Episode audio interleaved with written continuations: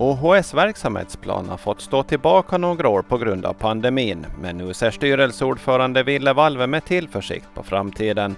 Det har varit stiltje på utvecklingen av OHS av förekommen anledning. Mycket har handlat om akut pandemihantering, säger han. Valve nämner bland annat tillnyktringsenheten, lågtröskelverksamhet för barn och ungdom, seniormottagningen samt OHS hållbarhetsarbete som viktiga punkter i verksamhetsplanen. Antalet trafikolyckor minskade under 2022 jämfört med 2021, det visar statistik från Åsub. Förra året inträffade 1065 trafikolyckor jämfört med 1203 året innan. I 54 av olyckorna blev det personskador och det är 13 färre än året innan. Andreas Perjus fick under Ålands Sjöräddningssällskaps årliga vinterfest i lördags ta emot priset som Årets sjöräddare 2022.